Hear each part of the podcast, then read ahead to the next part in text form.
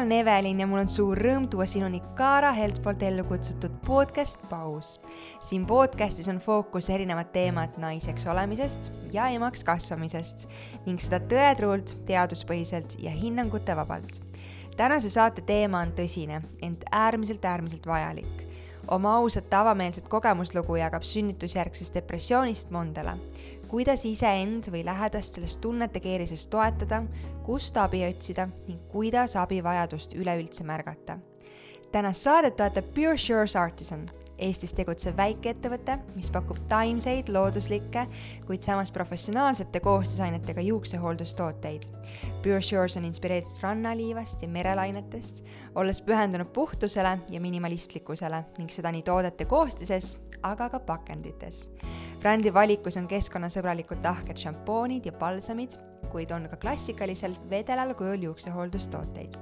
Enda poputamiseks ja oma ilu hoidmiseks saad koodiga paus kakskümmend, kakskümmend protsenti soodustust kõikidelt toodetelt. vaata lähemalt pureshoresartisan.com, head kuulamist!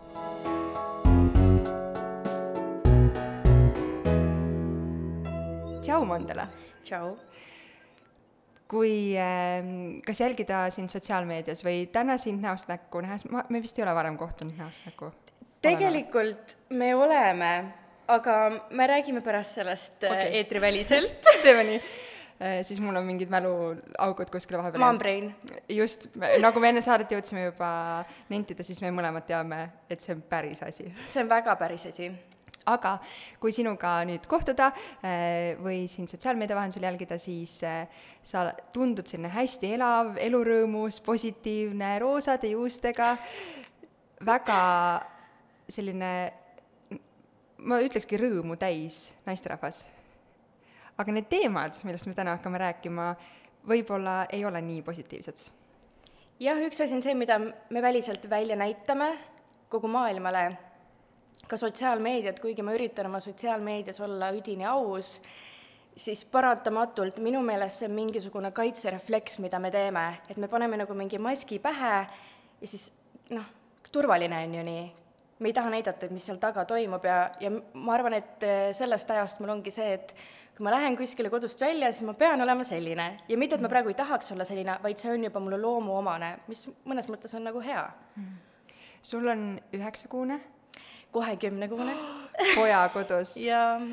Kas emaks olemine on midagi, ma tean, ma küsin seda kõigilt, aga see on minu jaoks kuidagi nii põnev alati, kas sa oled alati unistanud emaks saamisest? jaa, vot minu puhul on küll see, et äh, kui minult väiksena küsiti, et kelleks ma tahan saada, siis vaata, paljud vastavad, et loomaarstiks või poemüüjaks, siis mina tahtsin alati emaks saada.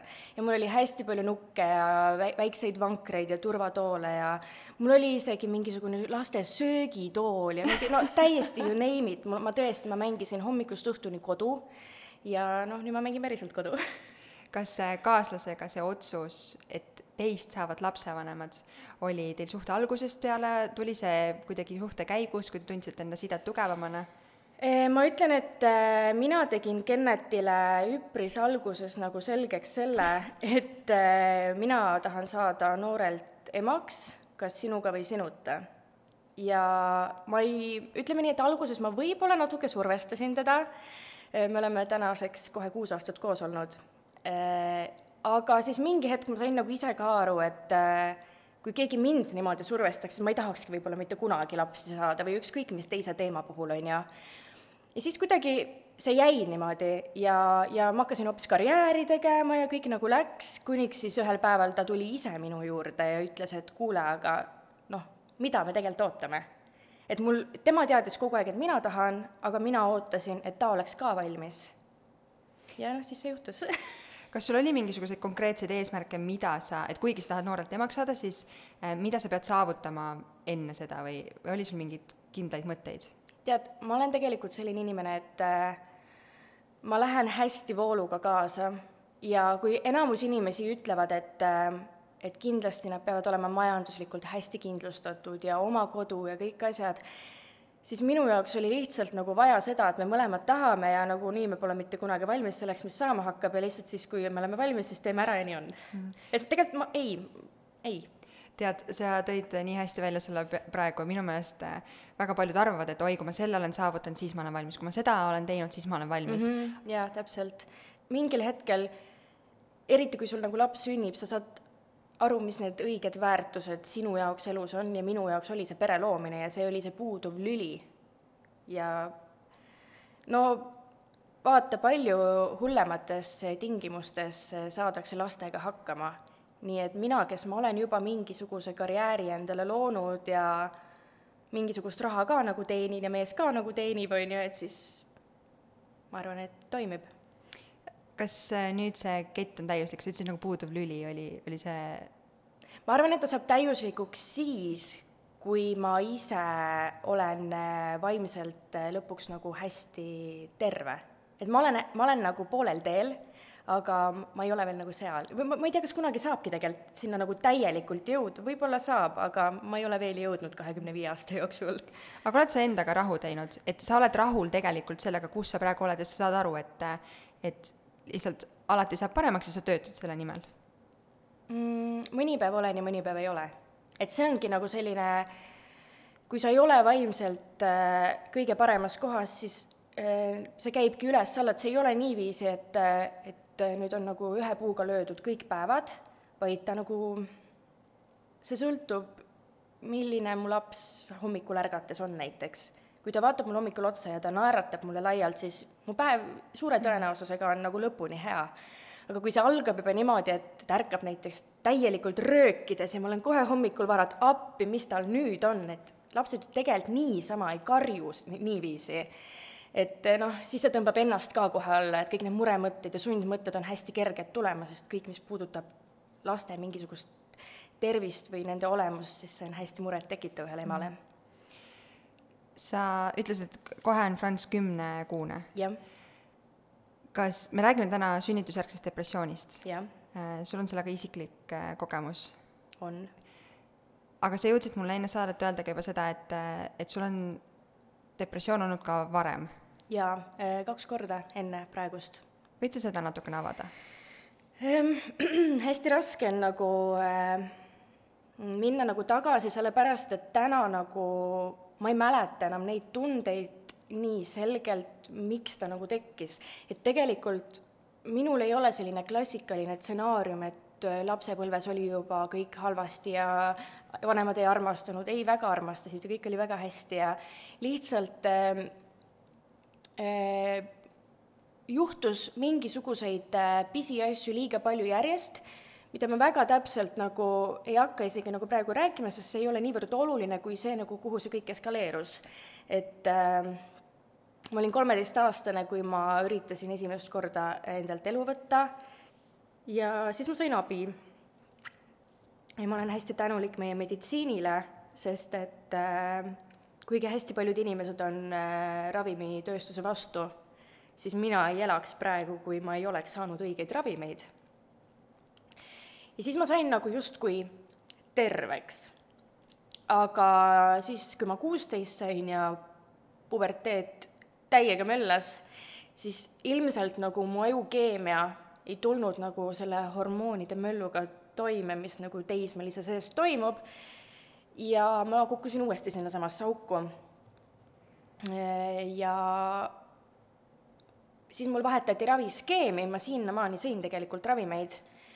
Ma vahetasin raviskeemi ja sain muidugi väga head teraapiat kõrvale, et ma ei, ma ei poolda selles suhtes ravimeid üksinda, aga kui sinna juurde käib teraapiad, psühholoogid, psühhiaatrid, kogu see kupatus kokku, siis ma pooldan seda ja mõnikord ei ole teistmoodi lihtsalt võimalik.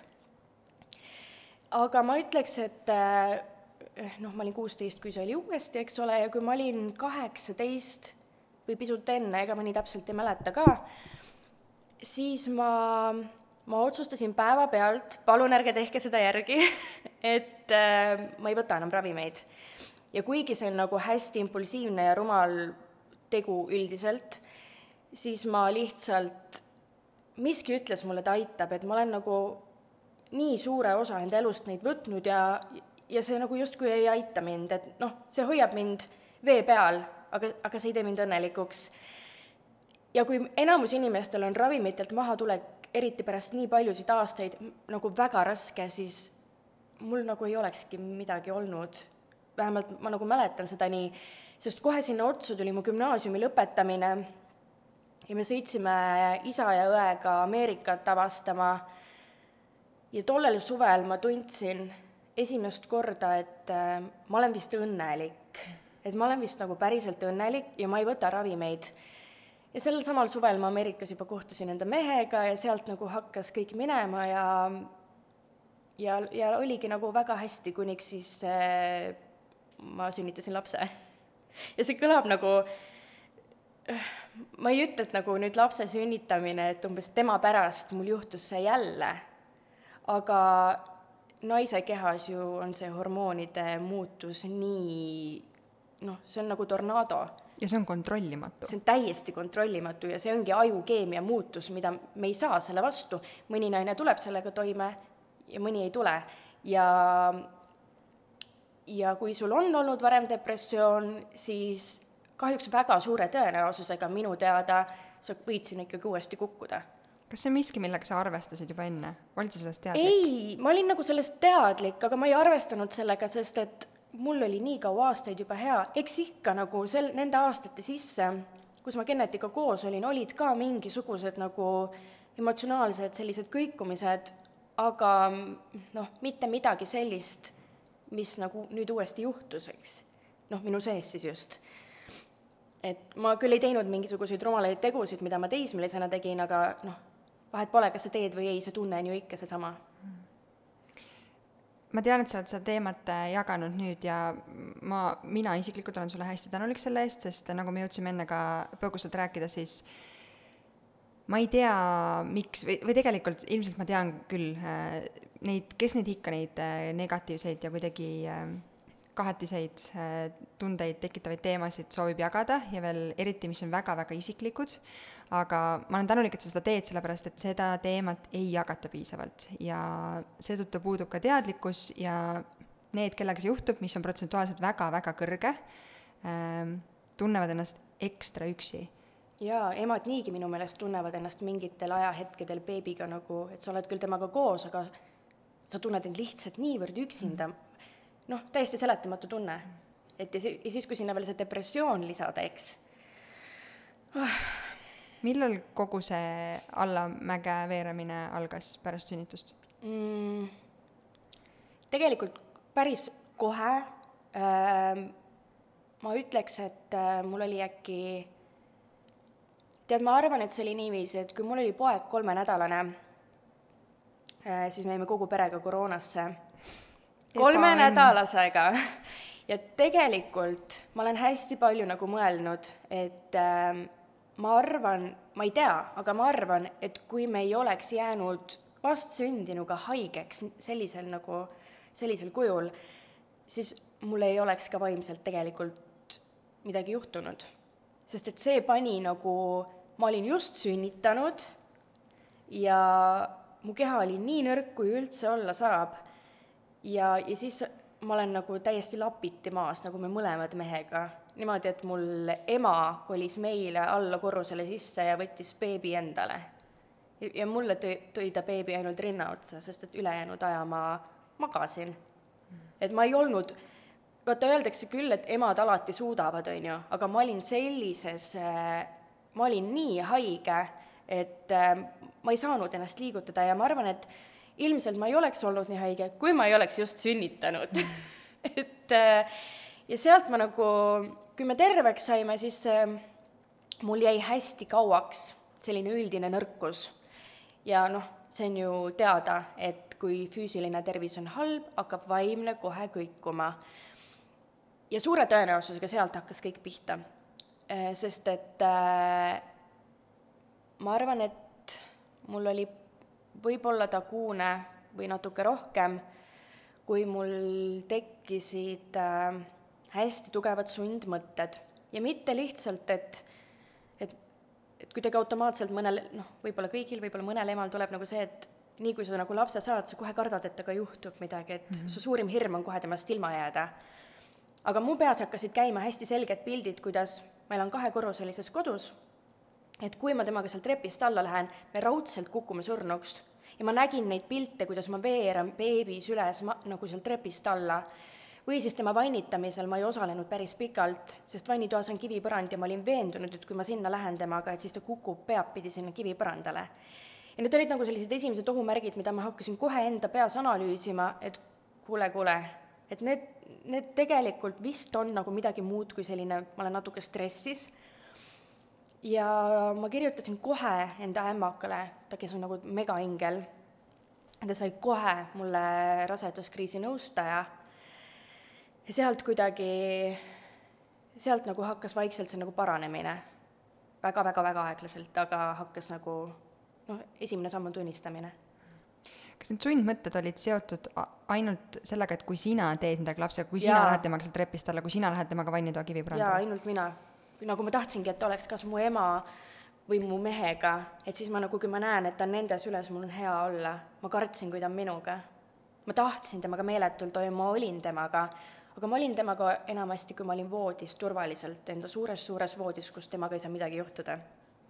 mul tuli praegu selle peale, eh, mida sa jagasid, meelde see, et ma ei ole vist mitte kunagi öelnud, palun ole, et nii palju kordi, et palun ole ettevaatlik. mul oli vastupidi, et ma ise tundsin ennast koos lapsega kõiki asju tehes turvaliselt ja ma, ma ei saa üldse võrrelda ennast sinu looga mitte kuidagi, aga lihtsalt mis mõtted peas tekivad, eh, see, et ma ütlesin oma abikaasale, et kui ta võttis lapse, kui ta, ma nägin, et ta astub üle uksepiida, abikaasa on sarikomistaja, et palun ole ettevaatlik, palun ära komista, vaata ette, samamoodi kui vannitama läks või trepist alla kuskilt, siis see tundus minu jaoks nii hirmus, sest ma tundsin, et ainult minu käes on see kontroll mm, -hmm. ehk siis mulle tundub hästi raske mõista seda, et sa ei usaldanud iseennast. tead, ma ütlesin ka ikka mehele neid asju ja võib-olla ma oma peas mõtlesin kogu aeg neid asju, aga kuidagi miski minu sees ütles, et seal on turvalisem. et kui ta oli minuga koos, siis mul oli kõige turvalisem olla, aga ma tundsin, et tal ei ole minuga vot. kui ma rändan tagasi sinna vahetusse sünnitusjärgsesse perioodi, siis kas see õnnejoovastus, kui esimest korda lapse rinnale said, kas see kõik oli? jaa, jaa, mul tuli, vaata mõnel naisel ei tule seda äh, armastustunnet enda lapsega nagu kohe, mul oli see kohe meeletu. see oli nagu metsik tunne ja see tunne on siiani ja see kasvab iga päevaga aina suuremaks aga noh, siis oli mul ka see, et see adrenaliin oli ju nii kõva pärast seda, kui sa oled lapse välja pressinud, see on ju midagi nagu enneolematut. ja, ja siis oli ka see, et kõik see nagu paha tunne oligi lihtsalt see, et ma olin just sünnitanud ja nagu ma ei kasutanud ka valuvaigisteid sünnituse ajal, ehk siis mul oli selline noh, niisugune metsik valu kogu aeg ja ma lihtsalt teadvustasin endale, eh, et see on kõik sellest, see on täiesti okei okay ja mul ei olnud kordagi nagu haiglas olles mingisugust sellist appi, appi, appi, ma olin nagu täiega tegija, ma sain kõigega hakkama, ükskõik kui valus mul oli. aga vot ongi, kui me nagu haigeks jäime ja ma ei taastunud enam. et nagu ma, mu üldine organism ei taastunud ja ka mu sünnitusjärgne taastumine ei tahtnud enam edeneda ehk siis noh, ma tänase päevani ma käin naiste füsio juures ja tegelen oma vaagnapõhjalihastega, sest need on lihtsalt ületoonuses ja mul on kogu aeg valud, ka kümme kuud hiljem. ja ma arvan, et see on kõik sealt mm. -hmm. sina oskasid äh, analüüsida oma mõttemustreid ja neid sundmõtteid ja saada aru, et see ei ole okei okay,, sest sul oli varem kogemus äh, depressiooniga. kas sul on mingi nõuanne või ma saan aru, et sa ei ole spetsialist ise, sa lihtsalt mm -hmm. seda läbi äh, elanud ja kogenud, aga mingi selline väga inimlik soovitus, kuidas inimesed peaksid või naised peaksid ennast analüüsima, kes ei ole varem seda kogenud mm? -hmm. no ma arvan lihtsalt, et äh, naiste intuitsioon on võimas ja kui me ennast kuulame, me tegelikult äh,, meil on kõik vastused olemas. ma olen täiega naiste usku ja nagu see, milleks me oleme võimelised, see on midagi maavälist. ja ma arvan lihtsalt, et äh, kui, äh, kui naine tunneb, et äh, et see ei ole nagu lihtsalt magamatus, vaid see on nagu liigne hirm, ükskõik mille suhtes, kas kas siis lapsega tegelemine või kuidagi enda, nagu põhiline asi on enda mõtteid jälgida. et äh, meil käib nii palju mõtteid peas tegelikult läbi, et me ei suuda neid kontrollida, aga et kui sa kas või paar korda päevas nagu lihtsalt kuulad ennast või, või või nagu jääd pikemalt mõtlema mingile asjale, mis sulle lihtsalt pähe kargas. noh, meile kargab ju miljoneid asju päevas mm. pähe, millele me võib-olla ainult millisekundiks keskendume.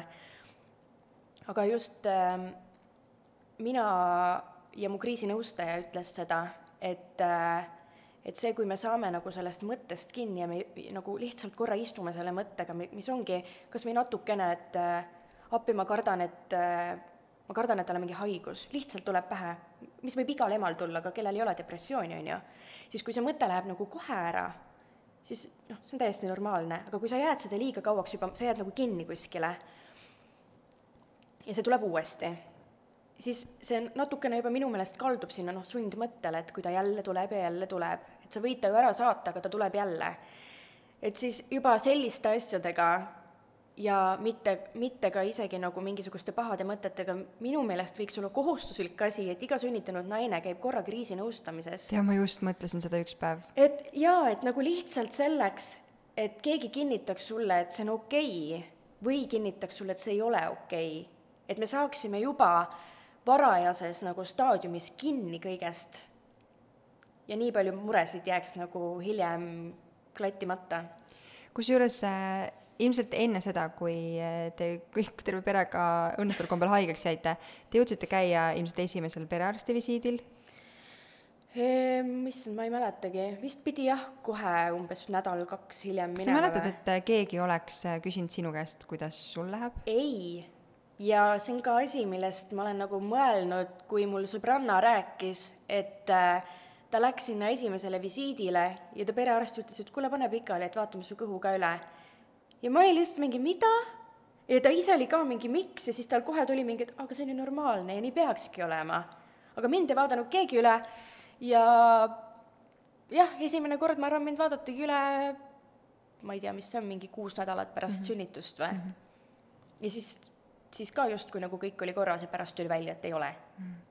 üks on see nagu füüsiline tervis mm -hmm. ja see aspekt, aga teine on see, millele me oleme palju äh, Äh, millest me oleme palju kas või siin Kaara tiimiga rääkinud, et äh, tegelikult see, et perearstid, äkki mõni perearst kuulab ja siis lisab kohe selle sõnumi või, või mõtte endale kuhugi päevikusse, et, äh, et ei küsita äsja sünnitanud naistelt, et kuidas sul läheb mm, -hmm. sest nii lihtne küsimus. Sa oled sotsiaalmeedias on-off, äh, vahepeal aktiivsem, vahel vähem mm -hmm. aktiivsem, aga ma ei tea, on sinuni jõudnud see trend või liikumine või kuidas äh, neid küsimusi-vastuseid tehes äh, on järsku väga populaarne küsida, kuidas sul päriselt läheb?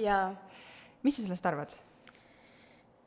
no nagu sa ütlesid, see on natukene nüüd juba trendiks läinud mm., et ma ei tea nagu, kas inimesed seda päriselt mõtlevad või nad tahavad lihtsalt, et me mõtleks, et nad hoolivad mm mul on, ma väga kahtlen inimestes, ma, ma kahtlen väga inimeste truuduses ja vastupidiselt näiteks mu emale, kes usub, et kõik inimesed on head ja toredad, siis ma kahtlen alati enne inimestes. ja sellest ka see, et äh, see on hästi nagu ilus küsimus, kui see tuleb südamest, aga no kuna ma olen selline kahtleja ja siis, ja nagu sa ütlesid, see on kind of nagu trend mm, -hmm. siis ma ei usu alati seda küsimust mm. -hmm. Ma olen sinuga nõus selles aspektis, aga mulle, mulle kuidagi mingil määral see ka meeldib. mulle äh,, ei, see meeldib mulle. sest mul on tunne, et nagu on noh, vaata inglise keeles see väljend, et, et kui sa küsid, tervitad ja siis kohe küsid, kuidas sul läheb mm. -hmm. et see on nagu hästi selline suu soojaks, aga see vähemalt on midagigi. Äh, meil kõikidel on hästi palju muresid, ükskõik, kas sa oled äsja sünnitanud äh, naine või ma ei tea, pereisa või kooliõpilane, siis väga harva tegelikult inimestelt küsitakse, kuidas neil päriselt läheb yeah. ja võib-olla isegi, kui seda küsitakse, siis ei kuulata vastust. aga kuidas ma selleni jõudsin, ongi see, et eh, mul on tunne, et äh, alates sellest hetkest, kui beebi sünnib, siis kõik käib ümber beebi, niikuinii selle pere jaoks käib kõik ümber beebi, see on arusaadav. aga see, et ka välja, väljastpoolt tulevad spe-, spetsialistid ei suuda piisavalt palju tähelepanu pöörata sellele naisele, kes koges seda kõike, mida sa just rääkisid, seda tohutut äh, võimsat eufooriat ja, ja neid tundeid, emotsioone, seda väge, mis ta sees oli, seda protsessi läbides, et äh, ma arvan, et see väärib rohkem tähelepanu ja kui me küsiksime nendelt värsketelt emadelt, kuidas neil läheb mm, -hmm. ma arvan, me suudaksime kiiremini jõuda ka äh, olukordades lahendusteni, kus võib-olla kõik ei ole nii hästi. jaa, ja ma arvan, et äh, tänapäeval on ka see, et äh, küll vähe, aga aina rohkem räägitakse sellest ja siis äkki ongi, et kui keegi küsib, et noh, et kuidas sul päriselt läheb, et siis sa võib-olla julged rääkida, sest et see ei ole enam nii tabu mm., ma ei tea, miks ta üldse kunagi on tabu olnud või täna kellegi peas on, aga see tuleks nagu ära murda, et on sul mingisugust, oled sa mõelnud selle peale, miks see on tabu, miks sellest ei räägita mm,? Hea küsimus. kas see on süütunne, kas, mis tunded üldse sinu sees, hoolimata sellest, et sul oli varem dep-, varem, varasem depressiooni kogemus, kas sa oled kuidagi ma ei ütle, et sa peaksid olema, aga mm -hmm. kas sa oled mõelnud, et sa ise oled selles süüdi või? ma ei ole nagu seda mõelnud, sest et äh, minus oli ikkagi see ratsionaalne pool ka kogu aeg olemas, noh, põhjusel, et ma olin seda varem kogenud ja ma teadsin, et see ei ole mina. See ei ole praegu mina see teadvustamine endale, et kui see jälle kõik tuleb ja hakkab pihta, et lihtsalt öelda endale, et see ei ole mina. ma olen ka nagu seda meelt inimene, mis võib-olla ei ole kõige tervislikum asi, mida teha, aga ma mõnikord tahan nagu marineeruda oma selle vastikutunde sees. mul on nagu vaja võtta see hetk, mu ema tõi selle üks päev alles välja, et noh, ma lasin sul ju nüüd marineeruda selles tundes, et nüüd umbes võta ennast kokku. et mul on vaja nagu korraks haletseda ennast ja tunda nagu kõiki neid vastikuid tundeid, et ma saaks aru, et ma ei taha neid tundeid tunda. nagu tunda ennast nii vastikult, et mu aju nagu hakkaks vastu töötama. ma arvan, see on väga ebapopulaarne arvamus. ma arvan, et see on väga ebapopulaarne arvamus, aga see töötab mu puhul ja noh, mis iganes töötab, eks mm. aga ma arvan, et tagasi tulles selle juurde, et miks see on tabu, siis äh, kunagi ammustel aegadel oli ju see, et me ei tohi enda nõrkusi näidata.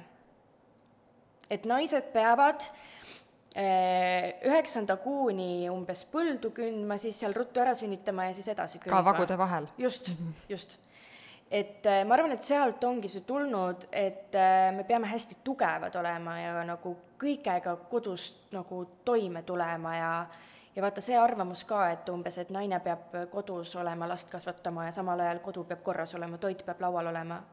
vabandust, kus me elame ja kunagi oli ju see nii. ja ma arvan, et sealt see lihtsalt ongi nii tugevalt juurdunud nagu inimkonda, et siiamaani on nagu neid, keda niiviisi kasvatatakse paraku niimoodi omakorda kasvatavad enda lapsi niimoodi, et õnneks on hästi palju nagu nüüd juba uusi inimesi ka, eks noh, tänapäeva inimesi no.. aga noh, ma arvan, et see tuleb sealt, ega ma ei tea, see võib kust iganes tulla. on sul lihtne või raske teistelt abi küsida? oo oh jaa, ma vihkan abi küsimist. ma, ma olen ära õppinud oma emalt abi küsimise mm,, oma mehelt, oma isalt ja ma arvan, et see on kõik. on sul abi küsides äh, või seda abi vastu võttes äh, mingi tunne, et sa pead kuidagi nagu äh, heastama seda või ja, omalt poolt? jaa, ma hakkan kohe mõtlema, kas ma peaks ostma neile äkki midagi mm. reaalselt, nagu see on nii haige asi, sest mind ei ole üldse materiaalselt nagu kasvatatud ja ma ei tea, kust see tuleb, aga kuidagi mul tekib see, et ma jah, nagu kui ma ei suuda talle just midagi nagu ise anda, et siis ma pean ostma talle midagi. kuidagi jah, see vastuandmine ja kui ma ei suuda nagu enda jaoks piisavalt nagu kõvasti vastu anda, siis ma jälle marineerun selles halvas tundes natukene aega no.. see hetk nendest äh, või, või olukord nendest sundmõtetest kuni selleni, kuni sa ise raseduskriisi nõustaja poole pöördusid, ma pean tegema selle nupukese siia, et raseduskriisi nõustaja, ma arvan, inimesed võtavad seda nagu hästi äh, liiga spetsiifiliselt, et see on justkui ainult rasedatele kriisinõustaja, kuigi see on tegelikult ka juba see on emadele. jaa, ja see on ka enne rasedust Just. näiteks äh, kuhugi pöörduda, kus sul on äh, oma mõtetega raske toime tulla, kui ma ei tea, lapse saamine ebaõnnestub järjest mm -hmm. või mhm. ja täpselt samamoodi ka pärast sünnitust äh, yeah. aastaid tegelikult, mitte seal ainult lähi äh,, lähiaja mm, ümbruses. jah, sellel võiks parem nimetus olla, kuidagi mm -hmm. nagu naiste nõustaja või? Teeme kampaania. Teeme kampaania. Otsime parema nime raseduskriisi nõustajale. aga see oli, see oli küllaltki lühikese aja jooksul, ma saan aru, et sa said aru, need mõtted on, sa analüüsisid neid, pöördusid ämmaka poole ja ämma ja, ja mul ikka täiega joppas, et mul see arusaam tekkis ausõna, no ma ei, selles suhtes ma olen nagu hästi tänulik, naljakas asi, mida öelda, ma tean, et mul on olnud varem depressioon. sest et kui see oleks olnud esmakordne koos väikese beebiga mm,, ma ei tea, kuhu see oleks viinud. ma nagu, ma tean ikka väga koledaid juhtumeid, mis naistega on nagu juhtunud ja mis nende beebidega on juhtunud ja kui guugeldada, ma arvan, et äh, ärge parem guugeldage, leiab igast jubedaid asju selle kohta, mis juhtub siis, kui naine ei saa abi või ei saa isegi aru. ja miks nad ei saa aru? sest me ei räägi sellest. ja ma, ma arvan lihtsalt, et äh, nagu me enne rääkisime, et see kriisinõustamine peaks kohustuslik olema. ma arvan, et see ei juhtu meie riigis paraku, noh, mitte niipea, võib-olla kunagi, sest see on nagu üks nendest asjadest, et, äh, et nagu meie riigis ei saa mitte midagi inimestele sundida, mõistad mind? et paratamatult, kuna meil on see suhtumine siin, siis me ei saa seda kohustuslikuks teha ja kui me ei saa seda kohustuslikuks teha, siis on paraku ka neid naisi, kes arvavad, et mul ei ole abi vaja. mis mõttes, see on tabu. et noh, see on nagu niisugune nõiaring natukene. vot siis ongi, tulevad äh, mängu ja suurem roll ja vastutus on nendel äh, naistele lähematel spetsialistidel, on see siis perearst või, või seesama ämmaemand, kelle juurde Just. minnakse sünnitusjärgsesse kontrolli. et eh, mul on tunne, et neid teemasid tuleb ka rohkem esile tuua selleks, et see abi jõuaks ka sealt lähemast ringist juba nende naisteni, kes seda abi vajavad. ja kui, ja kui, vaat see on see, et isegi kui neid küsimusi küsitakse ja sul midagi viga ei ole, siis see on tore mm, -hmm. aga äh, oluline nende küsimustega jõuda nendeni, kes seda abi vajavad. tead, mul praegu meenus, et äh, sünnitusmajas nad küsisid mu käest, kuidas mul läheb, aga sünnitusmajas on naine ikka veel adrenaliini nii täis, et noh, seal ma vastangi, et ma olen maailma kõige õnnelikum ja mul ei ole mitte midagi viga ja mul ei saa mitte kunagi midagi viga olema. aga just sealt edasi, on ju, et need paar esimest nädalat kodus. sest et äh, minu nagu noh, selline suurem asi tekkis kõik äh, pärast seda haigust, aga tegelikult kõige-kõige esimene märk, mida ma nagu nüüd väga palju hiljem analüüsisin välja alles, oli see, et äh, me kõndisime mehega, ma olen seda vist varem ka kuskil rääkinud, et me kõndisime mehega sünnitusmajast välja, tema kõnnib selle turvahälli ja väikese bambuga minu ees, ma näen, kuidas ta läheb haiglast välja ja sellel hetkel mul tuli selline laviin peale, et appi, me peame ta koju viima ja teda elus hoidma, aga ma lasin nagu selle tunde mööda aga ma arvan, et jällegist sealt hakkas mingisugune lumepall veerema, et kui mul juba tuli selline mõte, noh, nagu me enne rääkisime, et need mõtted, mis meil päeva jooksul käivad hästi kiirelt, et mõnda me ei jõua isegi nagu, me ei jõua arugi saada, kui see juba on läinud ja on järgmine mõte peal. et see oli nagu üks nendest hästi kiiretest mõtetest, mis mul nagu läbi käis ja mis hiljem minuni nagu tagasi tuli, et oh-oh, et oleks sealt sellest sabast kinni saanud, võib-olla oleks veel kiiremini saanud abi, on ju, oleks kohe sünnitusmajja tagasi läinud, et kuulge, ma korra vajan kellegagi nagu rääkimist. et tegelikult on ju kohe võimalik pärast sünnitamist saada nagu nõustamist, kui sa vajad seda. aga no vot, ei tulnud kohe seda tunnet, et peaks nagu küsima. aga no mul vedas, mul tuli see üpris ruttu ikkagi. mis see aeg või, või kuidas see protsess sealt edasi nägi äh, välja, kuida-, sest täna on äh, äh kümme kuud sellest möödas kohe mm.. sa vist avalikult hakkasid seda jagama, kui oli seitse kuud möödas umbes, kuus? jah, ma arvan, et mul hakkas jah, kuue-seitsme kuu vahel, siis kui mul oli juba esimest korda, et oh, päris hea hakkab juba. ehk siis sinna vahele jääb tegelikult äh, viis kuud sellist tühja maad, kust sa tegelesid väga tugevalt endaga? jaa ähm,, mu kriisinõustaja oli minuga paar kuud, ma võin valetada, ma ei mäleta täpselt, ma olen brain. See on mu lemmik, vabandust aga mm, sel hetkel, kui kriisinõustaja ütles mulle, et, et tegelikult võiks kliiniline psühholoog nüüd sekkuda, sel hetkel äh, ähm, ma ei tea, mu, mu, mu keha läks nagu täiesti errorisse, et et appi ei, ei, ei, et ma ei taha ravimeid, et kuigi kliiniline psühholoog ei ole inimene minu teada, kes ravimeid kohe määraks, vaid see peaks ikkagi psühhiaater olema, siis kuna ma olen olnud ravimite peal päris palju aastaid oma elus, siis mul kohe nagu, ma läksin hästi errorisse, et mm, et äkki ma saan ikka ainult sinuga rääkida ja ma tundsin, et nagu kui ma pean kellelegi hakkama algusest peale seda rääkima, et see lõhub mu selle turvalise mulje ära ja ma ei olnud nagu selleks valmis. ja, ja see oli nagu okei okay. ja ja meil oli nagu temaga kokkulepe ka, et, et kui ta nagu näeb, et asjad absoluutselt ei hakka paranema, et siis ta nagu toob uuesti selle mõtte üles, et kuule, aga äkki, on ju. ja ma tean, et oli ka üks hetk, kus ma iseenda peas nagu kodus olles üksinda lapsega mõtlesin, et et, et võib-olla nagu ikkagi peaks. Nagu ma, mul keerles see mõte hästi palju tegelikult kõik need kuud peas, aga ma nagu ei teinud seda sammu kordagi. Ja fun fact, ma teen selle nüüd. Ma lähen nüüd psühholoogi juurde. Ja lihtsalt selleks, et äh, uuesti korraks need haavad lahti kiskuda, analüüsida need spetsialistiga, noh, järgmise astme spetsialistiga läbi ja kindlustada seda, et kümne aasta pärast need ei hakka kuskilt, need niidid ei hakka lahti hüppama, vaata.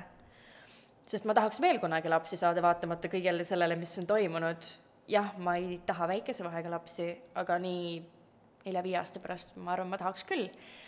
ja kui see siis on ikka veel katki mu sees või kuskile maha matetud, maetud ajakirjanik see on väga okei okay. siis ähm, ma arvan, et see võiks nagu veel suurema katastroofina eskaleeruda lõpuks kõik. Et täna ma ütlen, et minge psühholoogi juurde, kui teie nõustaja seda soovitab. Äh, küll aga ma olen äh, õnnelik, et ma tol perioodil selle nelja-viie kuu sees ei läinud, sest et ma arvan, et ma olin tol hetkel nii kergesti mõjutatav, et kui ma oleksin sattunud mõne arsti juurde, kes oleks tahtnud hakata mind edasi saatma ja mulle oleks pakutud mõnda raviskeemi tablettide näol, siis ma arvan, et ma oleksin selle lõpuks vastu võtnud. mis tähendab aga seda, et äh, ma oleksin jälle olnud selles tablettide nagu ringis ja ma oleksin üks hetk pidanud ikkagi sealt uuesti hakkama välja tulema, mis lõppkokkuvõttes minu mõistes on hästi pikem paranemine ja tablette peab võtma, kui sa oled väga-väga pahas olukorras, aga kuna ma lihtsalt oskasin endaga tegeleda, siis mul on nagu selle võrra noh, eelis natukene. Aga jah, ma väga ootan, et ma nüüd saaksin minna tead, ma pean oluliseks, oluliseks seda natukene veel rõhutada ja ma tean, et sa nõustud minuga, ongi see, et kui inimesel ei ole varasemat kogemust, siis ähm, ja sa oled leidnud endale selle spetsialisti, keda sa usaldad ja kes on sinu jaoks olemas ja kes toetab sind nõu ja jõuga mm, -hmm. nõu ja jõuga, siis äh, nagu isetegevust selles osas võib-olla, alati tasub hoida kriitilist meelt ja kaaluda mm läbi kõik variandid, ma selle vastu absoluutselt ei vaidle, aga Äh, minna kaasa sellega, mida spetsialist arvab, mis sulle parim on. et ja. eriti selles olukorras, kus sa võib-olla sada protsenti ei suuda ennast ja oma mõtteid kontrollida. E, jah, sellepärast et lõpuks see võib olla su lapsele ohtlik. just. ma tean, et äh, sel perioodil oli sinu jaoks vist hästi-hästi oluline su lähedaste tugi. kuidas nad sind aitasid ennekõike? Nad lihtsalt olid. kas äh, ma, ma üldse ei kujuta ette seda, et äh, millised need igapäevased, sa ju ikkagi oled oma lapse jaoks, sa ju toidad teda, vahetad tal mähkmeid, mängid temaga. Äh, kui palju igapäevane elu tegelikult sellest mõjutatud saab või sai? Äh, sa mõtled minu lähedaste toest? Sinu enda puhul, kui palju sa suutsid olla oma lapse jaoks olemas? ise mm? -hmm. ega ma alguses ei suutnud ja see on üks asi äh, ja ainukene asi, äh, mille pärast ma siiamaani süüd tunnen. ei peaks tundma absoluutselt, aga tunnen. ja mu ema ja mu mees tegid väga palju. Äh, mu ema hakkas päris varakult nädalas korra, võib-olla kaks, teinekord mulle vabu öid andma sest et koroona võttis ka minu rinnapiima. mis selles suhtes, ma ei olnud väga suur eh, rinna andmise fänn puhtalt juba selle tõttu, et ma tundsin end nii kehvasti. võib-olla kui ei oleks tundnud, oleksin olnud fänn, ma ei tea, aga eh, see andis mulle selle võimaluse, et kuna ta oli juba väga varakult pudelilaps, siis ta sai ööbida mu emaga. ja ma, ma ei kahetse seda sellepärast, et ma ei olnudki võimeline äh, temaga järjest kõik ööd ise tegelema. ja mu mees on karuunega ja ma ei heida talle seda üldse ette. ta on teistmoodi mulle väga palju toeks. aga just need ööd, mida annab ühele emale see, kui sa saad terve öö vahepeal magada. et veel emale, kes nagu on depressioonis siis äh, ma ei kujuta ette, kuidas emad, kellel ei ole seda võimalust, depressiooni seljatavad. ilma ravimiteta see ei oleks minu meelest siis võimalik. ja ainult sellepärast, et mul on selline tugivõrgustik, ma ei söögi siiani ravimeid. kas tugivõrgustik, see, et ema olemas on, oli juba kuidagi, ma ei tea, planeeritud ja kokku lepitud äh, enne ei. seda, kui üldse mingid probleemid mm? -mm. ma olin äh, me täna rääkisime sõbrannadega, et, et ära usu kunagi, mida rase naine räägib, sest et nii, see algus kõlab juba põnevalt. mul oli hästi palju äh, arvamusi, mul oli hästi palju mina teen nii ja ma kindlasti ei tee nii asju. ja peaaegu kõik läks tagurpidi ja mul oli ka nagu inimesi mu ümber, kes nagu vastikult nagu torkasid mind, et kui sa ära sünnitud, küll sa aru saad, et kõik muutub. aga mis sa mulle ütled seda, ma tahan äkki ise kogeda seda. et see ajas mind hästi kurjaks, ma mäletan. aga, aga miks ma hakkasin sellest üldse rääkima, mul kadus täiesti lõng ära. tead, see, et kõikidel on väga palju arvamusi äh, äh, just see, et, et ma, las ma ise kogen ja las ma ise mm -hmm. saan sellest aru, on ju. Äh, veidi teine teema, aga ma tunnen kuidagi, et äh, see on tohutult nõme, et keegi kogu aeg, keegi, et on lubatud avaldada kogu aeg arvamust. et minu meelest võiks nagu sellise bänni, mm, keelu peale panna, eriti e, emadele, kes on selles äh, haavatavas olukorras, äh, kus näiteks minu puhul äh, kui ma olin, ma nautisin väga rasedust ja siis öeldi mulle, oi vaata, oota, kuni seda sünnitama hakkad, et noh, et mul oli väga, arvatavalt uh, väga suur laps pidi sündima mm. -hmm. ei olnud siis nii suur, küll keskmisest suurem, aga, aga noh, ma ei tea, sain väga hästi hakkama, siis äh, mu laps on algusest peale olnud väga hea magaja, siis kogu aeg, va-, oota, kuni need gaasid tulevad. saime hästi hakkama oota, kuni see nelja kuu regressioon, regressioon tuleb. Mm, -hmm. oota, kuni need hambad hakkavad tulema, ma ei tea, nüüd tulevad need hambad ja noh, ikkagi ma olen nagu ma, mul ei ole päästet, et see ongi minu olukord ja ma saangi sellega hakkama ja see lihtsalt sõltub sellest, millise mõtteviisi sa endale võtad. Et keegi kogu aeg avaldab arvamust selle kohta äh,, kui raske sul peab olema, siis minu meelest see tekitab seda raskustunnet oluliselt rohkem juurde ja see on hästi kuidagi tobe, et ühiskonnas üldse tolereeritakse seda, et keegi kogu aeg tuleb ja ütleb sulle midagi.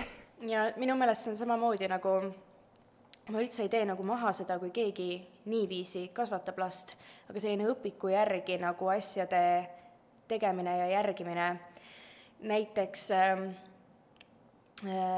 ma kirjutasin äh, just äh, täna homseks valmis blogipostituse teemal, äh, et unenõustajad erinevad mm, -hmm. sest et minuni jõudis selline info, kuidas, vaata, unenõustajaid on nii palju, ehk siis neid meetodeid on nii palju erinevaid. ja ma, ja ma sain, ma kuulsin sellist asja, kuidas erinevad unenõustajad teevad selja taga teineteise arvamusi maha. ehk siis üks ütleb, et une, unekool on A ja O, on ju, ja teine ütleb, et sa rikud sellega oma lapse ära mm. aga noh, vaata, lapsi on nii palju erinevaid, ehk siis ka nagu noh, neid meetodeid peabki nii palju erinevaid minu meelest olema, et sa ei saa nagu raiduda seda ühte kindlat asja. et kui on mõni naine, kes ongi võtnud endale ühe raamatu, mille järgi ta last kasvatab, siis lõpuks võib ta hulluks ajada. sest võib-olla need asjad ei toimi tema lapse peal. et noh, selline tuleb hästi infokriitiline olla minu meelest tänapäeval lihtsalt kõige suhtes, absoluutselt kõige suhtes, et ma, ma saan su mõttest täiesti aru. et noh, see arvamuste avaldamine samamoodi, et, et noh, nii palju, kui on inimesi, on arvamusi. ja me ei saa ühe nagu puuga neid lapsi kasvatada. ja noh, mi-, minule öeldi ka, kuidas, et mul oli hästi ilus sünnituskogemus ma võiks sünnitada veel, noh, sellest mul ei ole mingit traumat, jumal tänatud, eks midagigi head. kui kuulajad näeksid, kui säras ilmselt sellest ta praegu ütles, et nii tore. et see on nagu üks asi minu kogu selle protsessi juures, mis tõesti oli väga tore. võib-olla mõni arvab, et ma olen psühhopaat selle peale, aga noh, kogemused on erinevad, eks absoluutselt. ja, ja, ja siis, kui mul oli see ilus kogemus, siis hakati mulle ka rääkima, kuidas, et no nüüd hakkab, noh, nüüd hakkab minema. et nüüd hakkab kõik alles minema, et ole nüüd valmis siis ma nägin ühte hästi ilusat videot Instagramis selle kohta, et aga mis oleks siis, kui me nagu keeraksime selle teistpidi ja ütleksime, et oota ainult, kui ta oma esimesi samme teeb või oota ainult, kui ta sulle esimest korda ütleb, et ta armastab sind või oota ainult, kui ta esimest korda sind joonistab ja sulle toob selle sulle, et vaata, emme, mis ma sulle tegin. miks me ei tee selliseid asju, miks me ei räägi selliseid asju, miks me tõmbame teineteist kogu aeg alla? ma ei tea ühiskonnas justkui oleks äh, ähm, vajalik või, või suund välja tuua ainult negatiivset. just. ja ma ei tea, keda see peaks ette valmistama millekski või, või muidugi teadmiste, kogemuste jagamine on väga tervitatav, kui see kuidagi teist osapoolt edasi viib. aga ma usun, et palju edasiviivam jõud on see positiivsete suhtumise ja mõtete jagamine. tead, nüüd tuli mul pisar silma et ongi tegelikult see, mida me nagu välja anname endast, selle me ju saame vastu üldiselt, toimib nagu maailm niiviisi, et miks me siis, et noh, et okei okay,, täna me räägime küll nagu mitte kõige positiivsemal teemal, aga samal ajal ma kogu aeg propageerin seda, et et kui me sellest ei räägi ja me ei räägi selle nagu tervenemisest, nagu sellest jamast, et, et kuidas me siis lõpuks selle positiivsuseni jõuame et noh, et okei okay,, et ma võin ju tulla siia ja rääkida näiteks, kui halvasti kõik on ja kui raske mul on olnud, aga ma ei, miks, miks ma annan nagu seda inimestele, kui ma saan anda seda, et aga nagu sa saad sealt välja tulla, et see ei ole maailma lõpp ja see on räigelt raske aeg ja see sakib sajaga ja mul on nii kahju, kui keegi seda kogeb, aga sealt on võimalik välja tulla ja on võimalik hakata nagu nautima oma last, sest ma naudin täiega oma last kui ma tulen tagasi lähedaste toetuse juurde mm, -hmm. sa olid äh, piisavalt äh, tark, et äh, ise hä-, hari- äh,, jah, just, Evelin mis see sõna on, appi no.?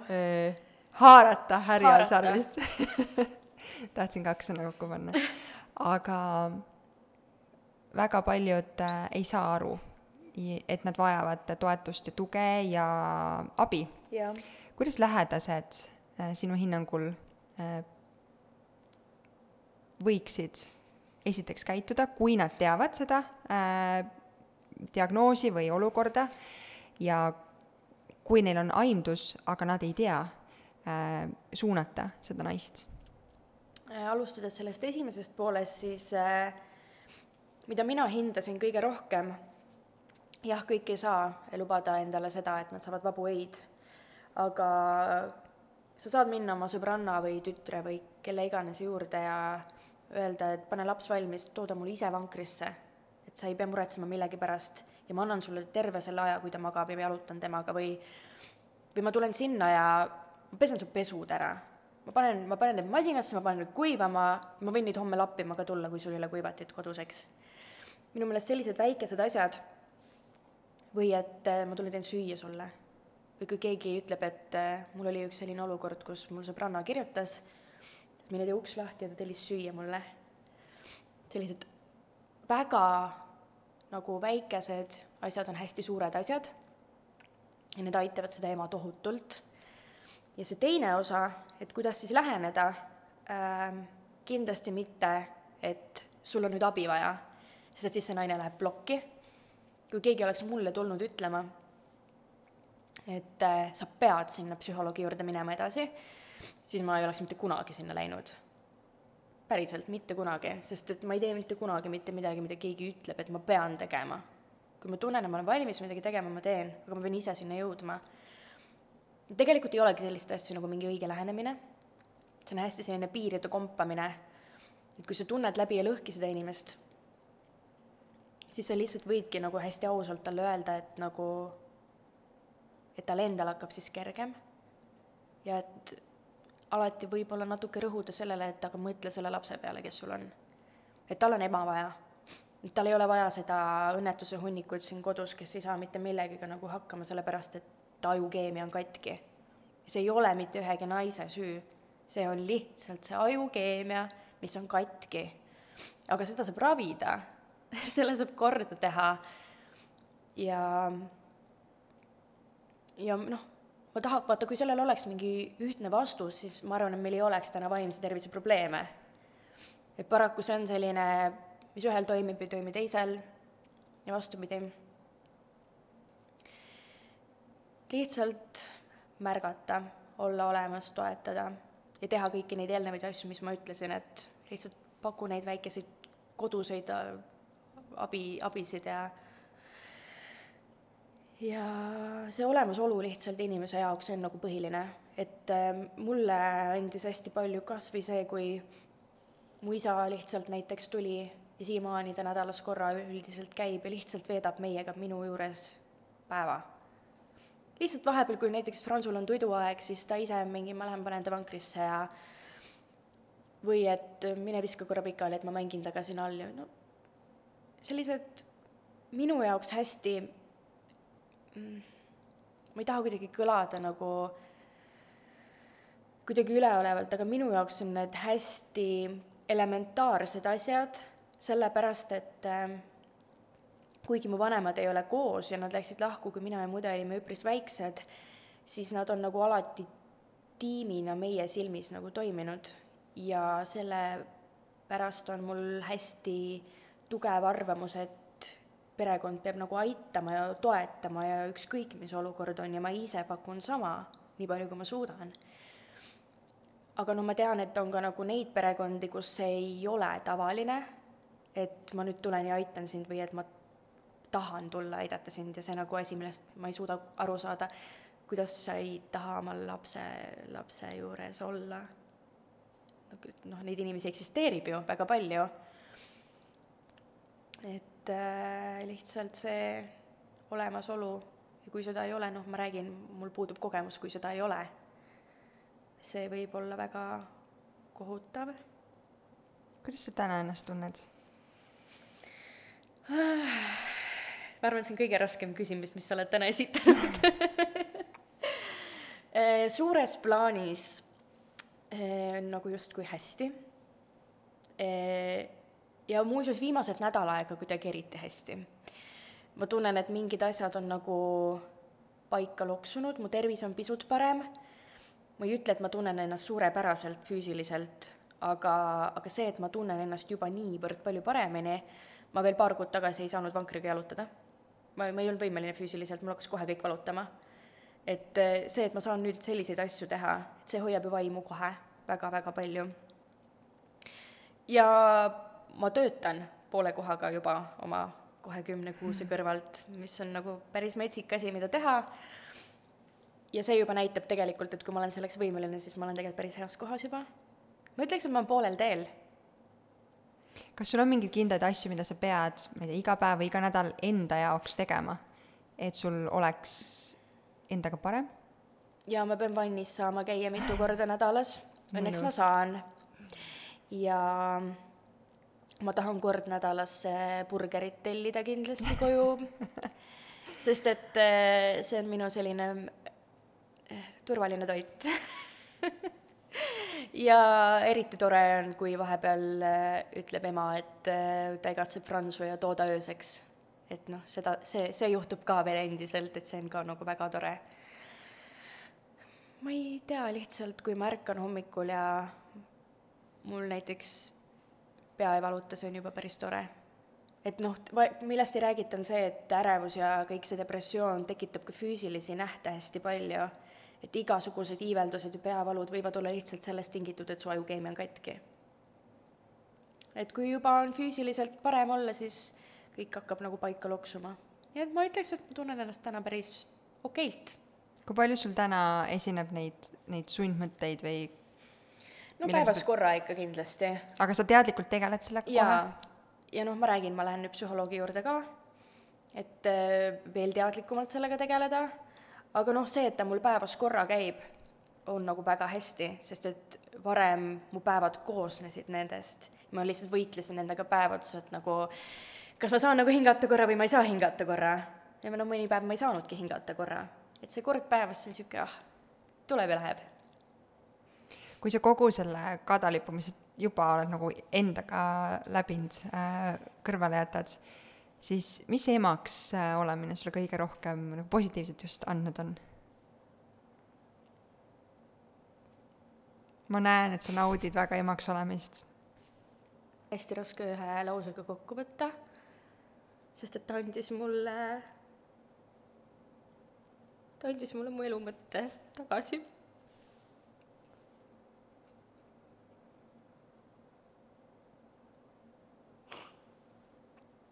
Ma nutan nii palju lihtsalt ja iga kord siis, kui ma pean kuskil rääkima nagu, mida inimesed hakkavad kuulama. ma tegelikult suudan vahepeal ennast kokku ka võtta sa ei pea äh, seda vabandama ja sa ei pea ennast selle pärast halvasti tundma, sest äh, see on kuidagi väga okei okay, tundub nõme öelda, aga see on päriselt okei okay. ja ma tahaks arvata, võib-olla ma siin tahan nagu ennast paremini tundma panna sellega, aga ma tahaks arvata, et kõik need äh, värsked emad äh,, kes praegu ka seda podcast'i kuulavad, teavad või on kogenud seda, et need pisarad, ükskõik, kas sul on depressioon või sul ei ole, siis kui sa mõtled oma lapse peale, mul kogu aeg on kraanid lahti. ma töinan kogu aeg. ja ma arvan, et see lihtsalt käib emadusega kaasas. vist küll, jah. Issand, kas see kunagi lõpeb ka? ei, ma, ma, kusjuures ma arvan, et see läheb hullemaks. Sellepärast, et vaata, praegu ta on kogu aeg meiega koos, noh, beebid on meiega koos, on ju, ja nad on meie juures. aga mis siis saab? kui ta, kui nad, meil on mõlemal pojad, naised võtavad ja kodust ära lähevad, ma ma- raudselt töinan kogu ma olen aeg. nii palju mõelnud sellele, et ta jätab mind kunagi teise naise pärast maha. saad sa aru? ma ei tea, kuidas ma sellega toime tulen kas sul Nii. on äh, mingi selline, ma ei taha öelda unistus, aga selline salasoov ähm, mitte, vaata hästi palju tihti küsitakse seda, et mis väärtusi soovid oma lapsele edasi anda või mis sa soovid, et ta kõige rohkem õpiks äh, siin elus äh,, aga mingi salasoov, unistus, mida sa soovid oma lapsega kas koos Jaa. teha või, või talle anda? see on lihtne. ma soovin, et äh, tal oleks väga tugev vaimne tervis. et ta ei peaks mitte kunagi tundma neid tundeid, mida ma olen tundnud. lihtne. aitäh sulle, Mandala! aitäh sulle kutsumast. ma loodan, et, äh, et neid äh, lugusid, vaata, hästi nõme on öelda, et ma loodan, et neid lugusid jõuab rohkem äh, pilti, et meil oleks Ei, see on väga okei öelda. millest õppida ja kuulata, aga samas ma loodan, et neid nad, nagu, et neid lugusid ei oleks nii palju. jaa. Tänu sellele, et nagu sellest räägitakse, ehk inimesed hakkavad neid mustreid murdma ja võib-olla ühel ilusal päeval on see protsent maailmas kas või poole väiksem, ma arvan, et siis me oleme juba nagu saavutanud selle, mida me teeme. aitäh! aitäh sulle! tšau! tšau!